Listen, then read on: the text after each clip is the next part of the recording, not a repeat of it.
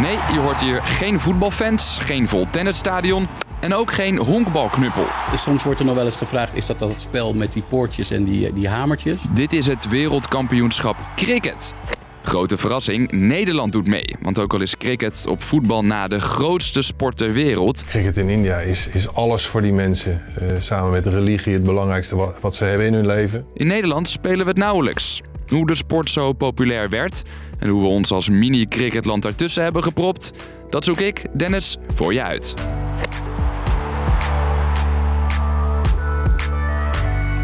Lang verhaal kort. Een podcast van NOS op 3 en 3FM.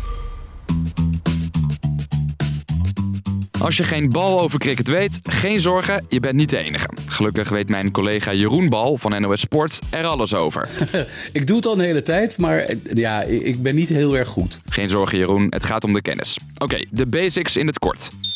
Cricket speel je met twee elftallen op een groot ovaal veld. Het lijkt misschien nog het meest op een honkbalveld. Eerst krijgt de ene ploeg de kans om punten te scoren, daarna de ander. En die punten die maak je door, nou ja, door de bal weg te slaan en naar uh, de overkant van een speciale pitch te, te, te lopen. Nou, dan krijg je één punt.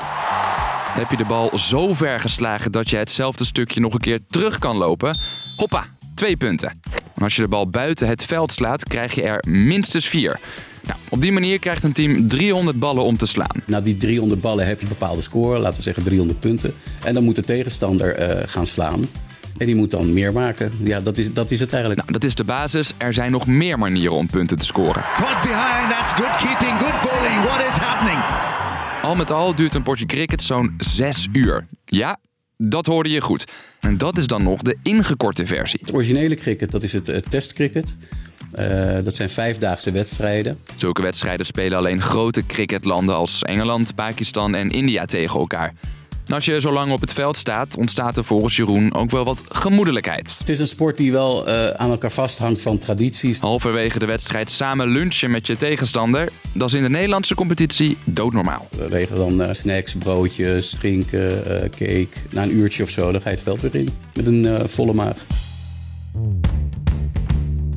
Die Nederlandse competitie is alleen met 6000 cricketers nogal klein. Maar ja, goed, in, in de wereld is het een, een gigantische sport. Uh, ik bedoel, je hebt al bijna anderhalf miljard Indiërs en die zijn bijna allemaal gek van cricket. Ook in bijvoorbeeld Engeland, Pakistan, Sri Lanka en Australië is het juist een super populaire sport. Waar de sport precies vandaan komt, dat is niet helemaal duidelijk. Maar de versie zoals we het nu kennen, werd vooral in Engeland heel populair. Engeland was 150 jaar geleden, uh, waren ze zo'n beetje over de helft van de wereld waren ze de baas. En ze hebben die, uh, die sport hebben ze meegenomen naar de landen waar ze de baas waren. Op die plekken is de sport dan ook zo groot geworden. Al zijn er volgens deze Sky Sports commentator steeds meer landen waar mensen graag naar cricket kijken. I think the game's at a tipping point right now. It's a tipping point that's long been coming. Nu het WK cricket is begonnen, zitten veel mensen voor de tv. Het trekt zo'n 2,6 miljard kijkers. Dat is minder dan de 3,5 miljard mensen die naar het WK voetbal kijken, maar meer dan bijvoorbeeld de Tour de France. Nou, en op dat WK staat dus ook Nederland. Netherlands from nowhere have come back to win. One of the most epic stories in cricket. Dat is sowieso al super knap voor een Jeroen, want er doen maar 10 landen mee. It's the Flying Dutchman, motherfucker. nu spelen ze 9 poolwedstrijden en daarna gewoon door naar de halve finale en de finale. Toch Jeroen? Ja, nee, die, dat is, die, die kans is eigenlijk niet aanwezig. Oké, okay, grote cricketlanden als India en Engeland maken ietsje meer kans op de wereldtitel. Maar Nederland is daar niet voor spek en bonen. Merk je ook aan de commentatoren dat ze heel erg verbaasd zijn uh, hoe goed Nederland eigenlijk is. Dus een overwinning hier en daar zit er misschien wel in. They stunned absolutely everyone. En dat willen we natuurlijk zien. Dus uh, even kijken in mijn agenda of ik nog ergens een hele dag vrij ben. Je hoeft echt niet zeven uur lang te kijken, maar zo af en toe even een half uurtje. Ah, oké, okay, dat scheelt. En als je nog nooit gekeken hebt, Jeroen, waarom zou je dan moeten kijken? Het is een beetje uh, vergelijkbaar bijvoorbeeld met wielrennen. Soms lijkt het dat er niks gebeurt, maar ineens kan de, uh, zo'n wedstrijd helemaal ontploffen. En dan zie je de mooiste slagen en de mooiste uh, wickets. Die, die rollercoaster waar je dan in zit, is gewoon superleuk. Dus, lang verhaal kort. In Nederland hoor je maar weinig over cricket, maar het is een van de populairste sporten ter wereld. Vooral in landen die voorheen een kolonie van Engeland waren. En ook al zijn de kansen op succes niet zo groot, Nederland heeft zich verrassend geplaatst voor het huidige wereldkampioenschap. Nou, dat was de podcast weer voor vandaag.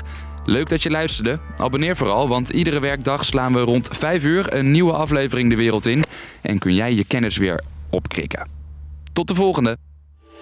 3FM. Podcast. Meer muziek ontdekken? Check elke week de nieuwste tracks die je niet mag missen in de podcast 3 voor 12 niet te missen in de NPO Luister app.